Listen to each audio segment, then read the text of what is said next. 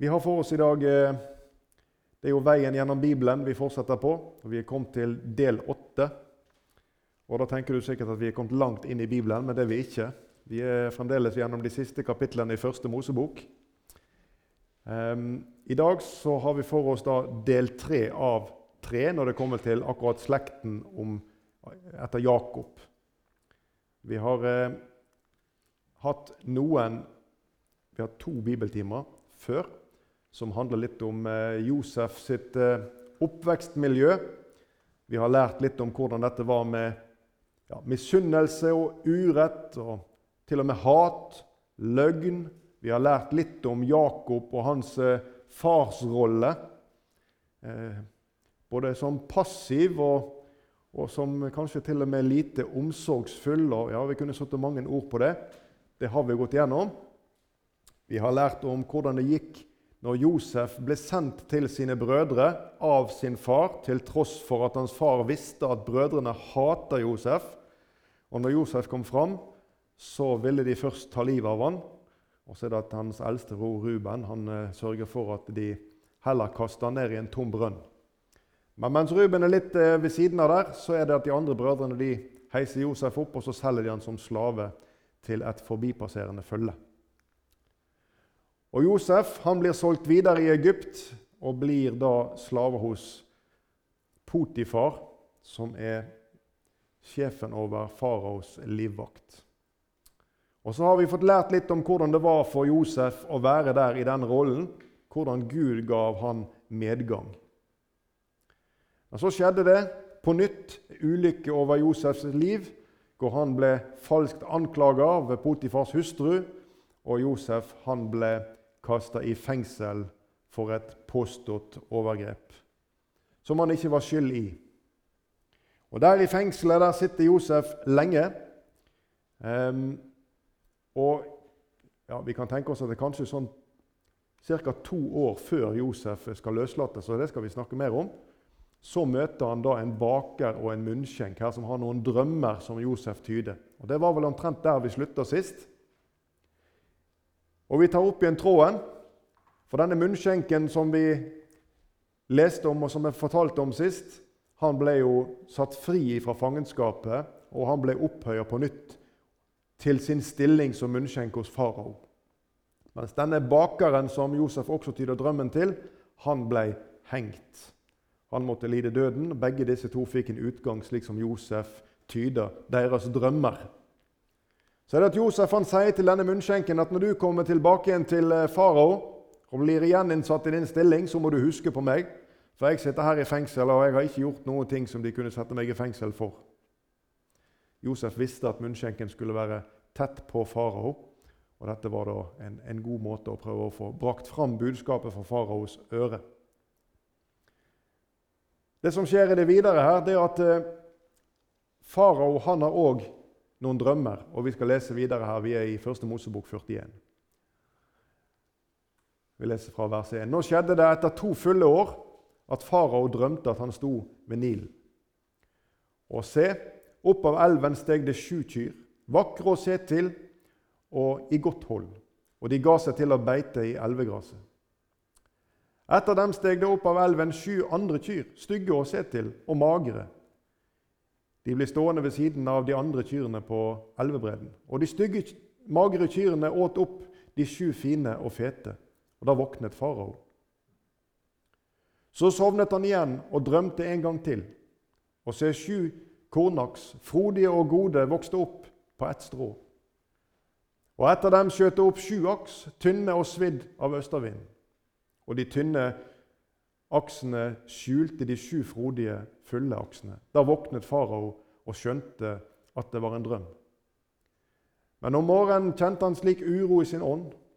Han sendte bud og lot kalle til seg alle Egypts spåmenn og vismenn. Og farao fortalte dem drømmene sine, men ingen kunne tyde dem for ham. leser vi vers 9-13 der i 41. Da tok den øverste munnskjenken til orde og sa til farao.: Jeg må i dag minne om mine synder. Farao ble en gang vred på sine tjenere og satte meg fast hos høvdingen over livvakten, meg og den øverste bakeren. Da drømte vi den samme natten hver vår drøm, jeg og han, og drømmene våre hadde hver sin tydning. Det var sammen med oss en hebraisk gutt. Han var tjener hos høvdingen over livvakten. Og til ham fortalte vi drømmene våre, og han tydet dem for oss, alt etter som hver av oss hadde drømt. Slik tydet han dem. Og som han hadde tydet for oss, slik gikk det. Farao innsatte meg i mitt embete igjen, men bakeren hengte han.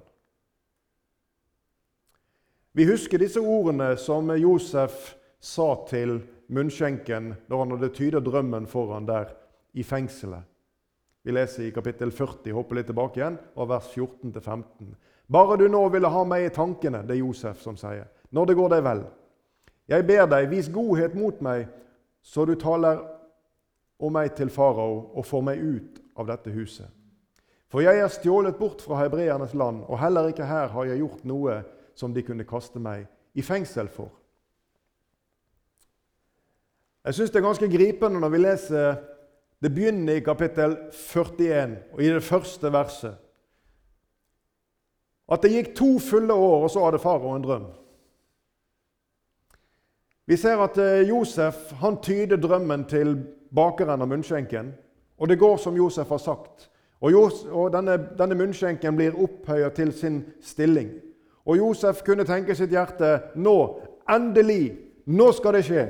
Nå kommer denne mannen til til farao og skal være like ved faraos øre. Og han kan fortelle om denne situasjonen. Ja, Han kan til og med vitne om hvordan jeg har tyda drømmer for disse. Og Jeg er ganske sikker på at Josef hadde et håp i sitt hjerte til dette man hadde lagt fram for denne munnskjenken. Men det går altså ikke sånn. Fordi at det står litt lenger ute der i kapittel 40 at bakeren han glemte, nei, unnskyld, munnskjenken han glemte Josef. Han husker ikke på denne samtalen. Han var lykkelig over sine omstendigheter og kom tilbake igjen i sitt virke. Og så glemte han dette budskapet, og så glemte han denne mannen. Helt til det hadde gått to fulle år. Det er ganske beskrivende. Tenk på Josef som sitter her i fengselet med forhåpninger i sitt hjerte. Og så står det ikke bare i Bibelen at det gikk noe tid, og så hadde faraoen trodd. Nei, det gikk to fulle år. Kjære deg, som venter på at Jesus skal gripe inn i livet ditt. Han har ikke glemt deg, og han hadde ikke glemt Josef. Det gikk i Josef sine øyne lang tid. Etter to fulle år. Men da skjer det noe her. Da er munnskjenken gjeninnsatt. Og Josef han blir huska, for nå har farao hatt en drøm. Og ingen vismenn og ingen spåmenn i hele Egypt kunne fortelle farao tydningen av drømmen. Da kommer det opp i munnskjenkens minne. Da husker han Josef. I første Mosebok 48, når disse to, munnskjenken og bakeren, møter Josef, så sier de til ham vi har drømt, men det er ingen her som kan tyde det. Da sa Josef til dem, å tyde drømmer, er ikke det Guds sak? Fortell meg hva dere har drømt. Her er så mange ting i denne teksten jeg kunne ønske meg å stoppe med underveis, men denne teksten er lang i dag. Men som en liten parentes det er ingen her som kan tyde det, sa disse to der i fengselet. Men så skal vi vite for visst at Gud han er allesteds nærværende. Han var også der i fengselet hvor Josef var. Han hadde et vitne der på dette stedet som disse to i sin fortvilelse sa at det finnes ingen her som kan tyde vår drøm. Jo da, sa Josef, for Gud, han kan det. Og Gud er alle steder. Så til deg som kjenner at du er på et håpløst sted, et vanskelig sted, hvor det mangler svar, så tvil ikke på at Gud er der som du er. For han er alle steds nærværende. Og Så, så vitner denne her eh, munnskjenken videre i vers 13 her i 41. Og som han hadde tydet for oss, slik gikk det. Farao innsatte meg i mitt embete igjen, men bakeren hengte han. Du, Dette med attester og referanser, det har verdier. Hvis jeg skal sitere noe for dere, og så skal jeg fortelle dere at dette er viktig, dette må dere huske, for det har jeg lest i Donald Duck. Ja, nå er det mange som smiler her. Du skjønner, Det betyr noe hvor henne vi henter det ifra, som vi skal vitne om. Og disse to, og denne munnskjenken, han vitner ut av sin erfaring. Det fantes en mann der som vi trodde at ingen kunne tyde vår drøm, som pekte på en levende Gud, og som ga oss en tydning som gikk i oppfyllelse nøyaktig sånn som han hadde sagt. Du, Denne referansen den fikk verdi. Josef han fikk en attest, ikke fordi at han var så som det står tidligere å lese om Josef, vakker å se til, at han hadde flott skapning. Det var ikke det som spilte noen rolle. Det var det Josef hadde vitna om Gud, og Gud hadde tyda drømmen ved Josef. Og det var sant, det som kom fram. Det er ikke tilfeldig hvilke attester vi tar til inntekt. Det er ikke tilfeldig hvilke referanser vi bruker. Vi leser videre i kapittel 41 og vers 14-15. Da sendte farao bud etter Josef og kalte han til seg. De førte han skyndsomt ut av fengselet, og han raket seg og skiftet klær. Så trådte han frem for farao.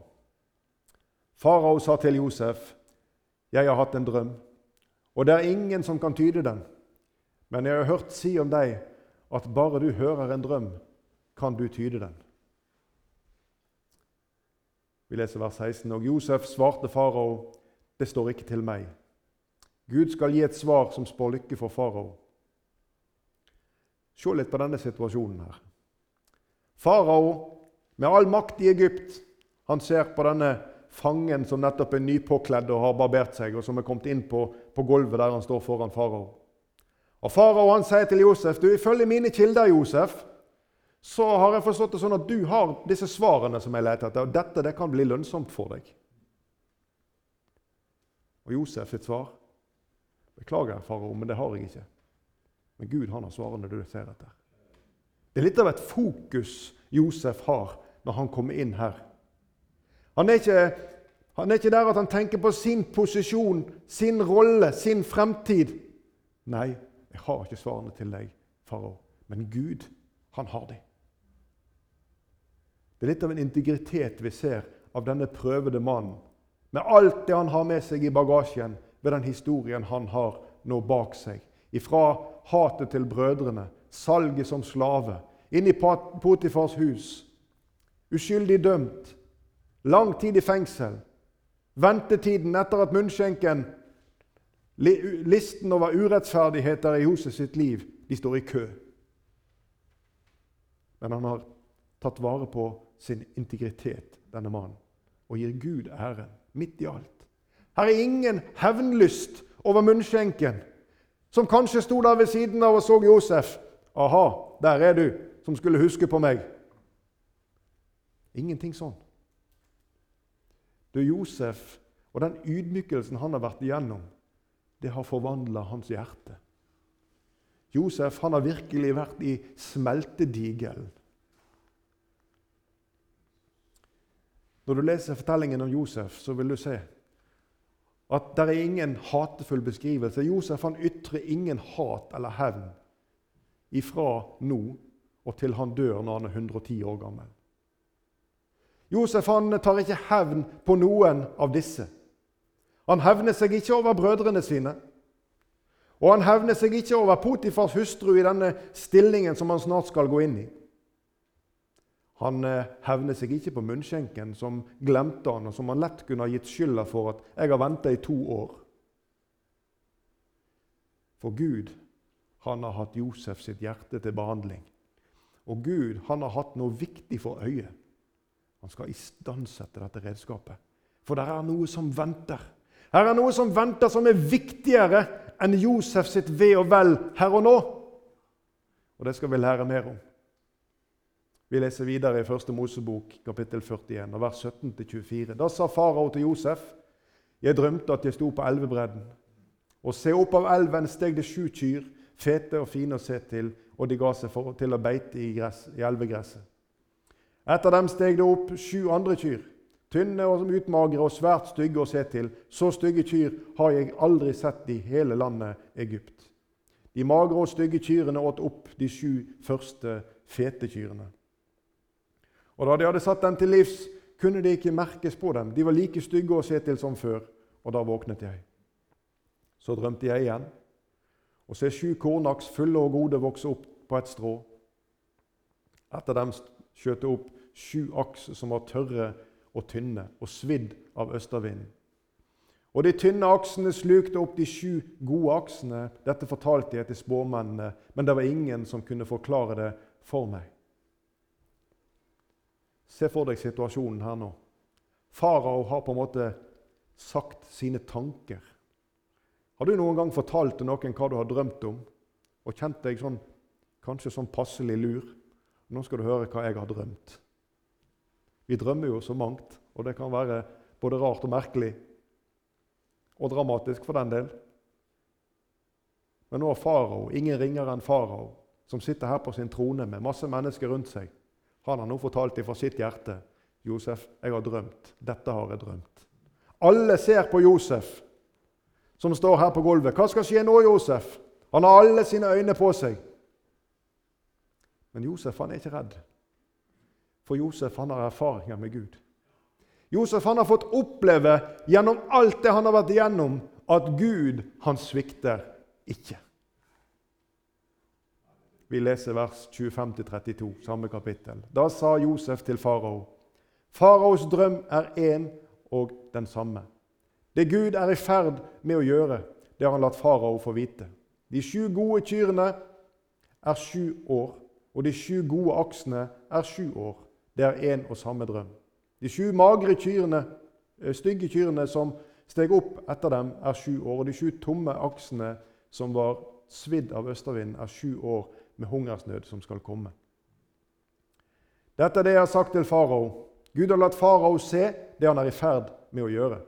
Se, det kommer sju år med stor overflod i hele landet Egypt.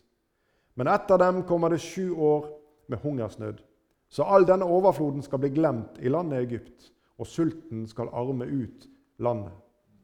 Ingen skal minnes den overfloden som var i landet pga. den hungersnøden som følger etter, for den vil bli svært hard. Og Når drømmen kom to ganger til farao, betyr det at saken er fast besluttet av Gud, og at Gud vil gjøre det snart.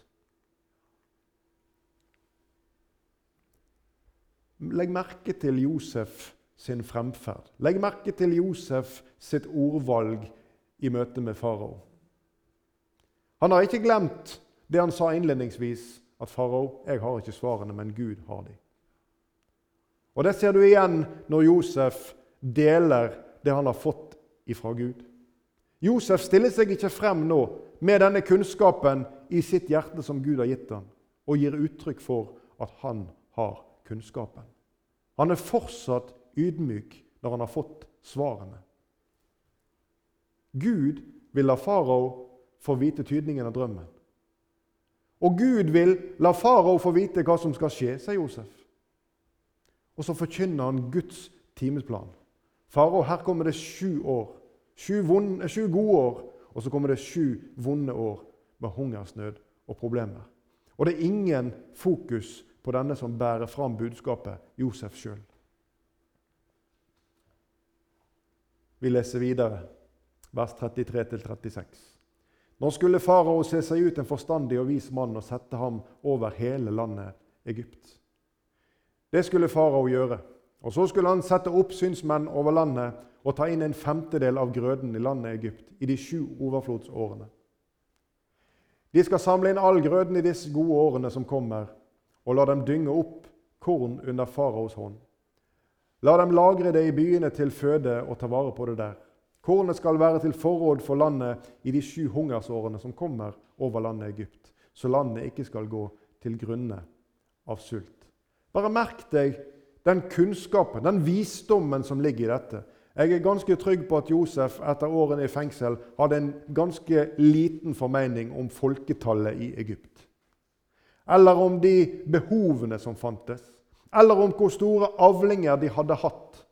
Men han står fram som om at han hadde all verdens statistisk materiale i bagasjen når han sier til farao at farao, en femtedel av det som nå høstes inn, det må vi lagre opp.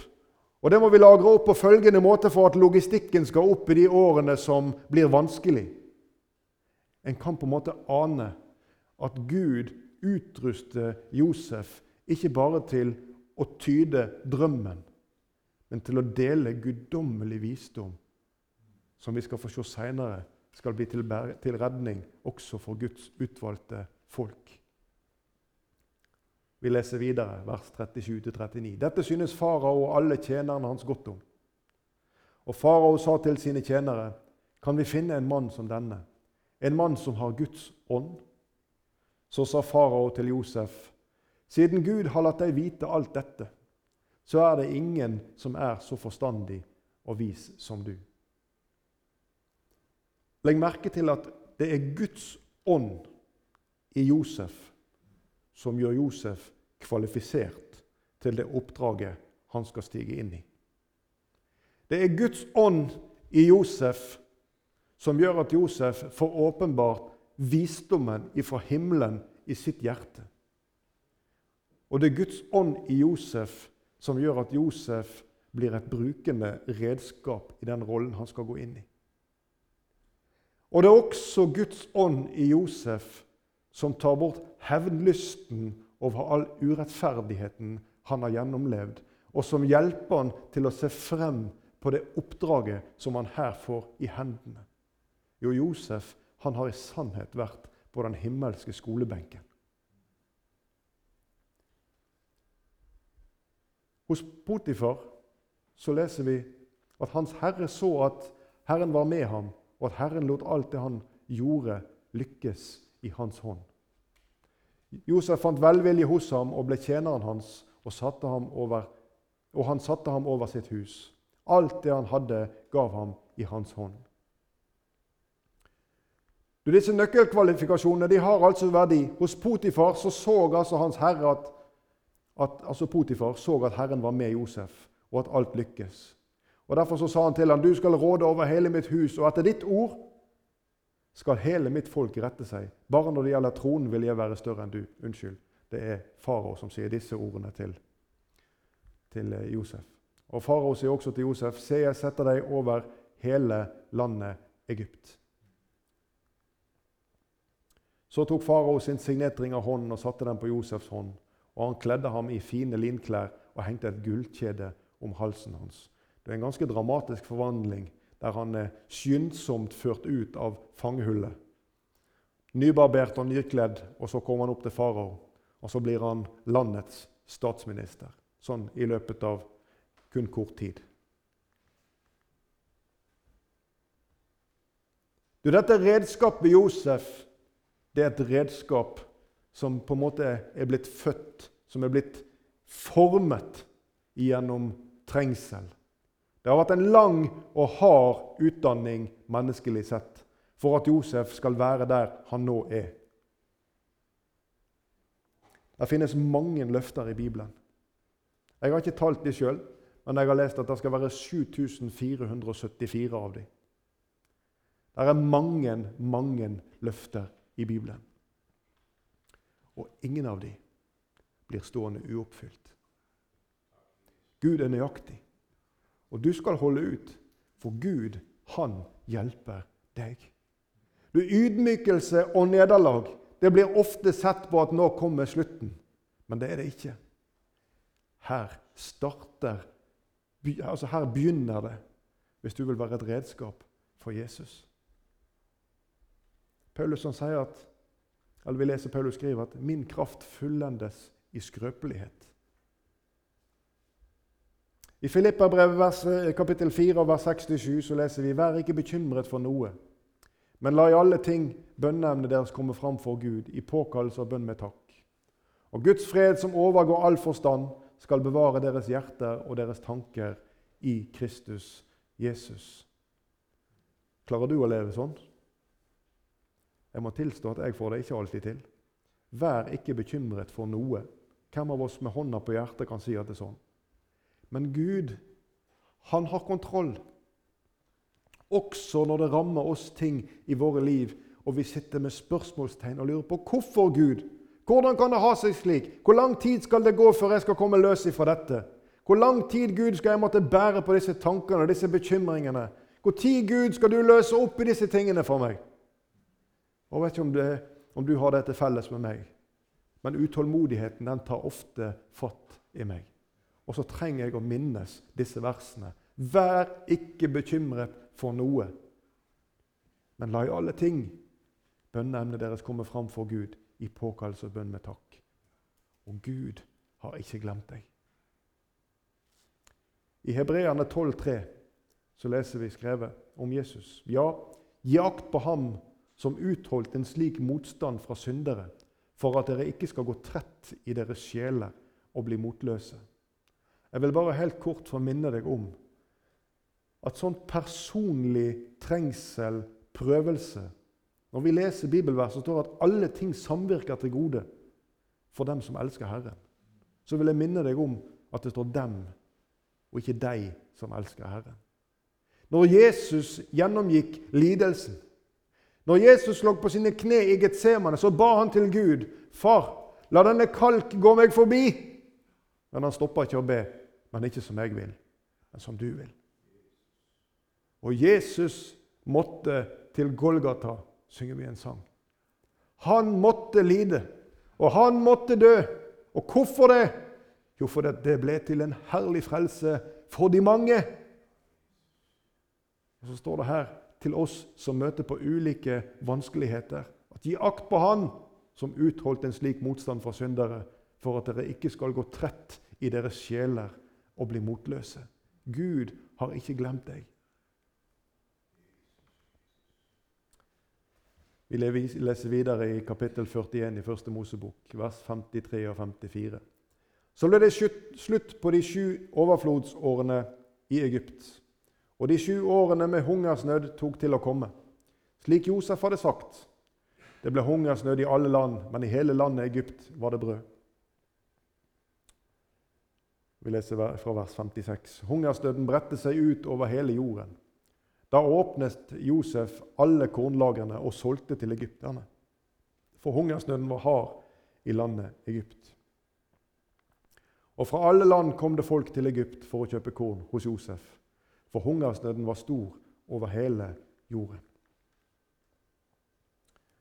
Så blar vi videre til kapittel 42. Og Nå er vi tilbake igjen til Jakob og hans hus. Vi leser vers 1-4. Da Jakob fikk vite at det var korn i Egypt, sa han til sønnene sine.: Hvorfor sitter dere her og ser på hverandre?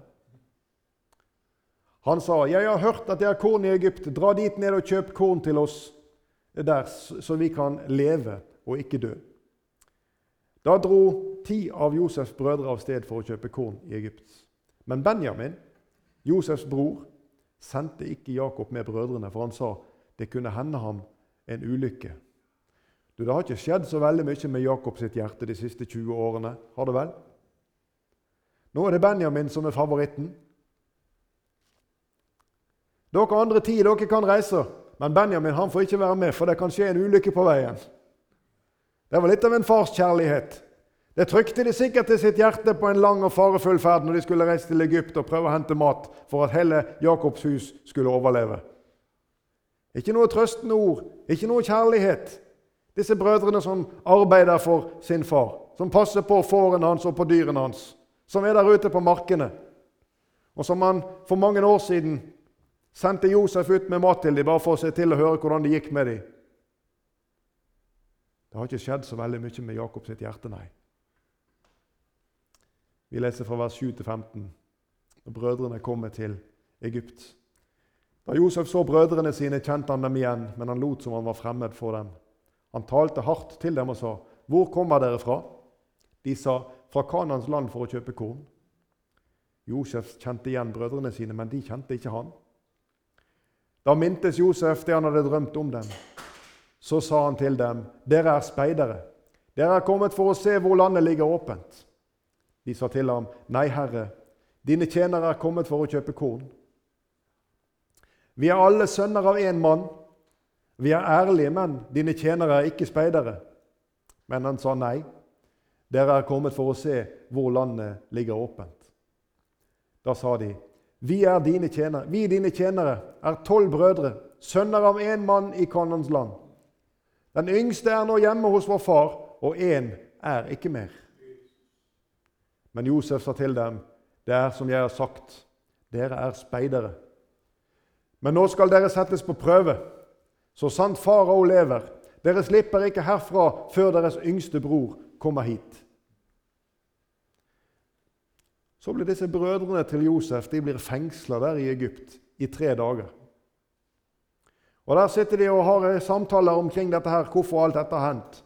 Men så blir de da løslatt for å reise og hente Benjamin. Du, Her er en dårlig samvittighet hos disse brødrene som er vakt til live etter alle disse årene. Vi leser vers 21-23. De sa seg imellom, sannelig, vi har skyld på oss for vår bror. Vi så hans sjeleangst da han bønnfalt oss, og vi ville ikke høre. Derfor er denne nøden kommet over oss. Ruben tok da til orde og sa til dem, Sa jeg det ikke til dere? Synd ikke mot gutten. Men dere vil ikke høre. Se, derfor kreves han, nå hans blod. Men de visste ikke at Josef forsto dette, for han brukte tolk når han talte til dem. Og han vendte seg bort fra dem og gråt. Så kom han tilbake til dem igjen og talte til dem. Han tok Simon ut av flokken og bandt ham mens de så på. Og Så føres Simeon tilbake igjen til fengselet. Så er den ene av disse ti, ti brødrene i fangenskap, nærmest som pant. Og Så reiser de ni andre i retur til Kanans land. De laster opp sine esler her de får med seg kornet som de er kommet for å kjøpe, og så returnerer de. Og Så kommer de hjem igjen til Jakob, og så forteller de om hendelsen. Disse ni som mangler nå sin bror Simon. Og Så forteller de da at nå er Simon i fangenskap. Og vi vet jo det at Josef han døde for mange år siden. Og så nå er det sånn at vi trenger også å få med oss Benjamin tilbake igjen.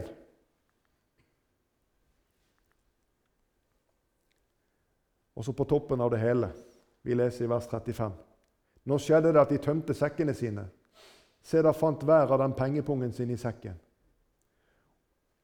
Og da både de og faren så pengepungene, ble de grepet av frykt.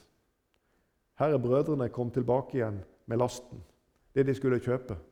Og pengene de skulle bruke for å betale med det, ja, det ligger oppi sekkene sammen med lasten. Så farao har ikke fått sitt oppgjør. Vi leser vers 36. Og Jakob, deres far, sa til dem, Dere gjør meg barnløs. Josef er ikke mer. Simeon er ikke mer. Og nå vil dere ta Benjamin. Det går utover meg alt sammen. Jakob har ikke forandret seg veldig mye. Vi kjenner igjen denne stemmen fra tidligere deler av fortellingen om Jakob. Det går utover meg alt sammen. Ja, Det sa han også når brødrene tok hevn over innbyggerne, innbyggerne som, hadde, som hadde voldtatt hans søster Dina. Også da ble Jakob redd for sitt eget rykte. For han var redd for at de folkene skulle samle seg imot han og ta hevn over Jakobs hus. Jakob han har sitt eget i sentrum hele tiden. Vers 38. Men han sa, 'Min sønn skal ikke dra ned med dere.' Hans bror er død, og han er alene tilbake. Skulle det ramme ham en ulykke på, det, på den ferden dere skal gjøre, så ville dere sende mine grå hår med sorg ned i dødsriket. Nok en sånn kjærlighetserklæring til de andre brødrene. ikke det? det? Når du leser dette. 'Min sønn skal ikke dra med dere. Hans bror er død, og han er alene tilbake.' Men hungersdøden var hard i landet, leser vi videre. Så hard at Jakob han vil til sist sende brødrene men de nekter fortsatt å dra uten Benjamin. Og minner sin far om at han var veldig tydelig med oss, denne mannen i Egypt. At vi kan ikke komme her uten Benjamin. Og igjen så ser vi Jakob. Hvorfor har dere gjort dette mot meg? Hvorfor har dere talt, fortalt at dere har en bror? Vi finner stadig Jakob sitt eget hensyn i sentrum. Men til sist så får Benjamin bli med. Og Juda han garanterer for sin bror. Så leser vi fra kapittel 43 og vers 14. Så tok mennene med seg denne gaven. Dobbelt så mange penger. Og Benjamin de hadde med seg litt forskjellige gaver til, til Josef. Og så hadde de med seg disse pengene. Og Benjamin. Og De brøt opp og de dro ned til Egypt, og så trådte de frem for Josef. Så leser vi vers 24-27. Så la de gavene til rette mens de ventet på at Josef skulle komme hjem midt på dagen. For de hadde hørt at de skulle ete der. Ja, for brødrene til sin store overraskelse når de kom fram her, så møter ikke de denne strenge mannen.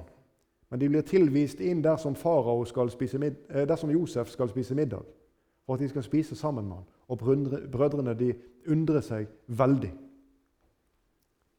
Da Josef kom inn i huset, bar de inn til ham gaven som de hadde med seg, og de bøyde seg til jorden for ham. Men han spurte dem om det gikk dem vel, og sa, 'Står det vel til med deres gamle far, som dere talte om? Er han ennå i live?'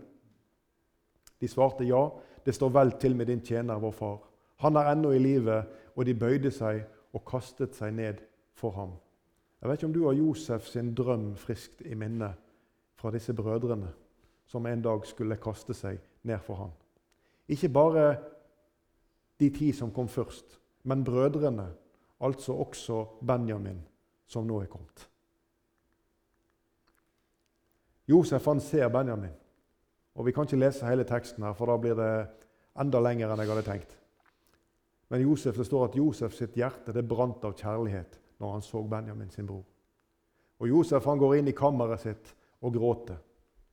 Så leser vi videre her, vers 30 og 32. Så vasket han ansiktet og kom ut, og han gjorde seg sterk og sa, Sett maten fram. Og Mennene fikk sine plasser midt imot ham etter alderen, den førstefødte øverst og den yngste nederst. Da så de på hverandre og undret seg. Ja, for hvordan kunne Josef vite det? Hvem som var eldst, og hvem som var yngst av alle disse? Hvor har han sin kunnskap fra denne mannen? Jeg er sikker på at De hadde ganske mange spørsmål der de satt ved bordet og lurte på hvorfor de var her i første omgang. Men de har bevist at ikke de er speidere ved at de har tatt med seg denne bror som de fortalte om, og som Josef ba de om som bevis på påstanden.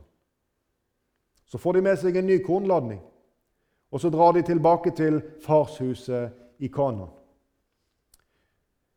Men så er det slik at Josef han er ikke ferdig med disse brødrene. Josef han tar sølvbegeret sitt og så legger han det i Benjamin sin kornsekk.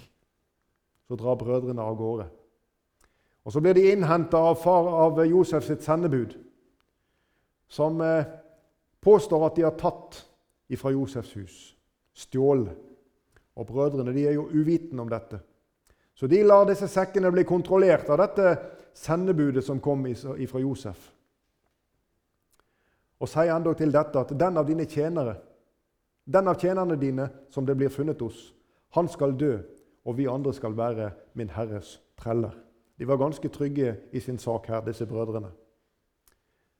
Så leser vi om når denne sendebudet undersøker sekkene. Han undersøkte sekkene, og han begynte hos den eldste og sluttet hos den yngste. Og begeret ble funnet i Benjamins sekk. Så blir dette her en helt forferdelig situasjon. Ikke bare er de tatt i å gjøre noe som de da ikke har gjort, men de er skyldige, og beviset det ligger der. Og det ligger i Benjamin sin sekk. Det verste utfallet tenkelig. Og Juda, han sier, 'Hva skal vi svare, Herre?' Hva skal vi si, og hvordan skal vi rettferdiggjøre oss? Gud har funnet dine tjeneres misgjerning. Se, vi er min Herres treller, både vi og han som begeret ble funnet hos. Du, Det er Juda, hvis vi spoler tilbake igjen, så er det Juda, denne som nå ligger her og ber for sin bror Benjamin, som har gått i borgen for denne yngste bror. Det er han som selger Josef der ved brønnen. Og Så forteller han om Jakob, sin far. Og så forteller han om hvordan Jakob sin sorg var når han mista Josef. Og Etter en lang forklaring som ikke vi kan lese, det får du lese på egen hånd i kapittel 44. Det er en gripende fortelling, dette. Vers 33. La derfor din tjener bli igjen i guttens sted, som trell hos min herre, og la gutten dra hjem med sine brødre. Det har skjedd noe med Juda her siden den gangen han solgte Josef, sin bror, som slave. Siden den gangen som vi leste i et tidligere vers, når de så hans sjeleangst når han ba for seg, når brødrene ville selge han til fremmedland. Det har skjedd noe med Juda her. Vi leser her videre fra 40, i kapittel 45, og vi skal lese de tre første versene der.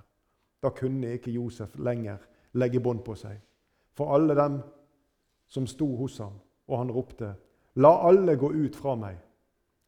Og det var ingen til stede da Josef ga seg til kjenne for brødrene sine. Han brast i gråt, og gråt så høyt at egypterne hørte det. Og de hørte det i faraos hus. Og Josef sa til sine brødre, 'Jeg er Josef. Er min far ennå i live?' Men brødrene hans maktet ikke å svare ham noe. Så forferdet sto de der foran ham. Du, dette er et hevnens øyeblikk. Er det vel? Jeg er Josef. Ikke har bare dere stjålet fra meg her beviselig, men dere solgte meg som slave for mange år siden. Husker dere det, brødre? Husker dere brønnen der i ørkenen, brødre? Men det er ikke Josef. Det er ikke dette som skjer. Dette er ikke et hevns øyeblikk. Det er det motsatte. Det som skjer her, det er Guds verk, og ingenting mindre enn det.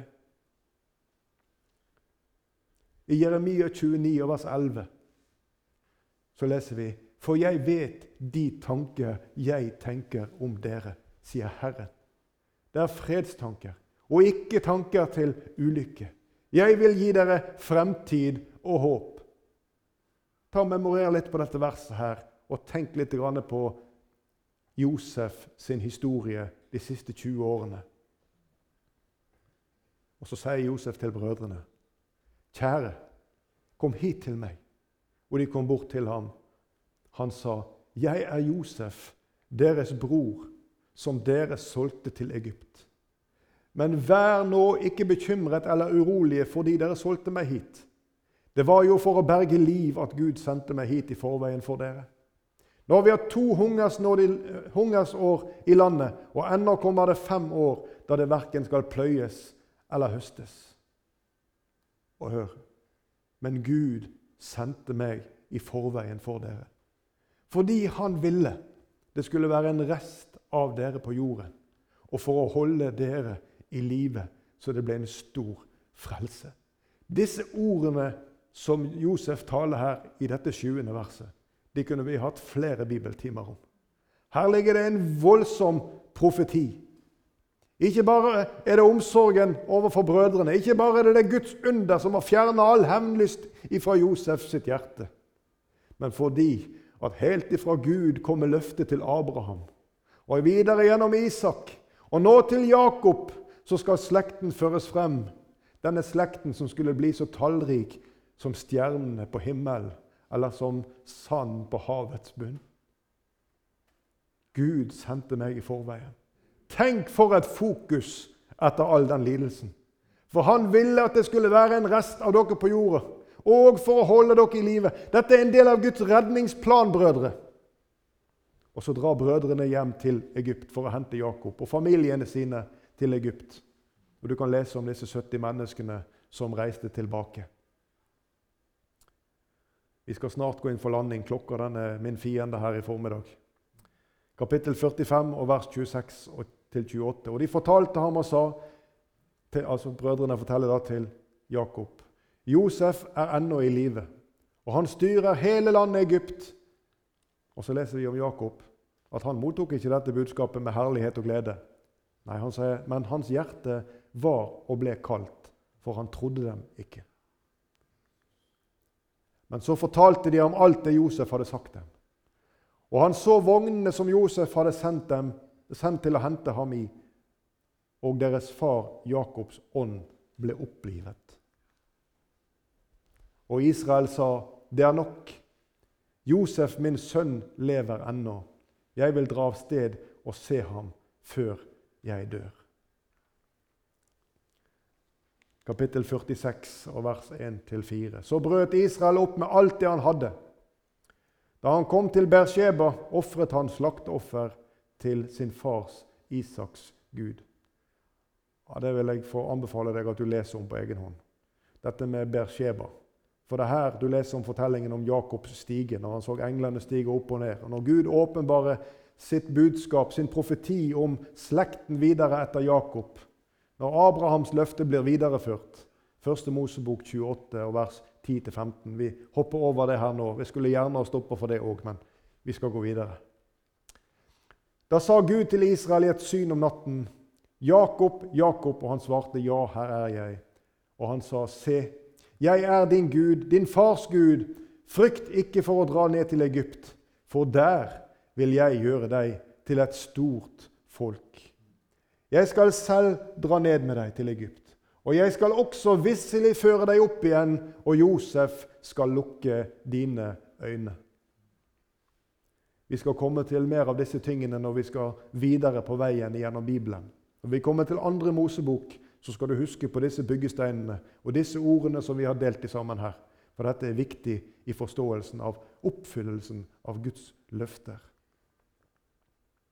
Du, din identitet Jeg vet ikke hvor den passer best i forhold til disse skikkelsene vi har lest om. Om du er som Jakob, egoistisk og selvopptatt Ingen av oss har lyst til å innrømme at vi er sånn. Eller som Josef. Jeg vet ikke hvilke prøvelser og trengsler du har gjennomlevd. Og jeg vet ikke hvordan det forholder seg med ditt hjerte. Eller om du er som en av brødrene, som først når det bærer til stikker, klarer å innrømme at her har vi gjort noe galt. Men Guds plan den gjaldt for alle disse. Alle disse personlighetene med sine særegenheter. Og hver av disse brikkene har en viktig plass i den planen som Gud har lagt. Jesaja 55, vers 8-9. For mine tanker er ikke deres tanker, og deres veier er ikke mine veier, sier Herren. Og Det kan vi se ammen til når vi har lest historien om Josef og brødrene, om Jakobs hus, om Jakobs slekt. For som himmelen er høyere enn jorden, slik er mine veier høyere enn deres veier, og mine tanker høyere enn deres tanker. Jeg vil få utfordre deg på å trykke disse ordene til ditt hjerte. At Gud vet alltid best. Og det er hardt å svelle når livet oppleves som en bratt oppoverbakke. Men Gud vet alltid best. Og Vi avslutter med det siste bibelsitatet her i formiddag. Fra ordspråkene 3.5. Sett din lit til Herren av hele ditt hjerte, og stol ikke på din forstand. Jeg synes at Gud demonstrerer veldig godt gjennom denne fortellingen vi har vært igjennom. At han har kontroll når det menneskelig sett ser ut som at alt rakner. Sett din lit til Herren av hele ditt hjerte, og stol ikke på din forstand. Kjære Jesus, hjelp oss å være så tillitsfulle i våre liv med deg, Herre. At vi barnslig kan tilnærme oss deg og tenke at du vet best.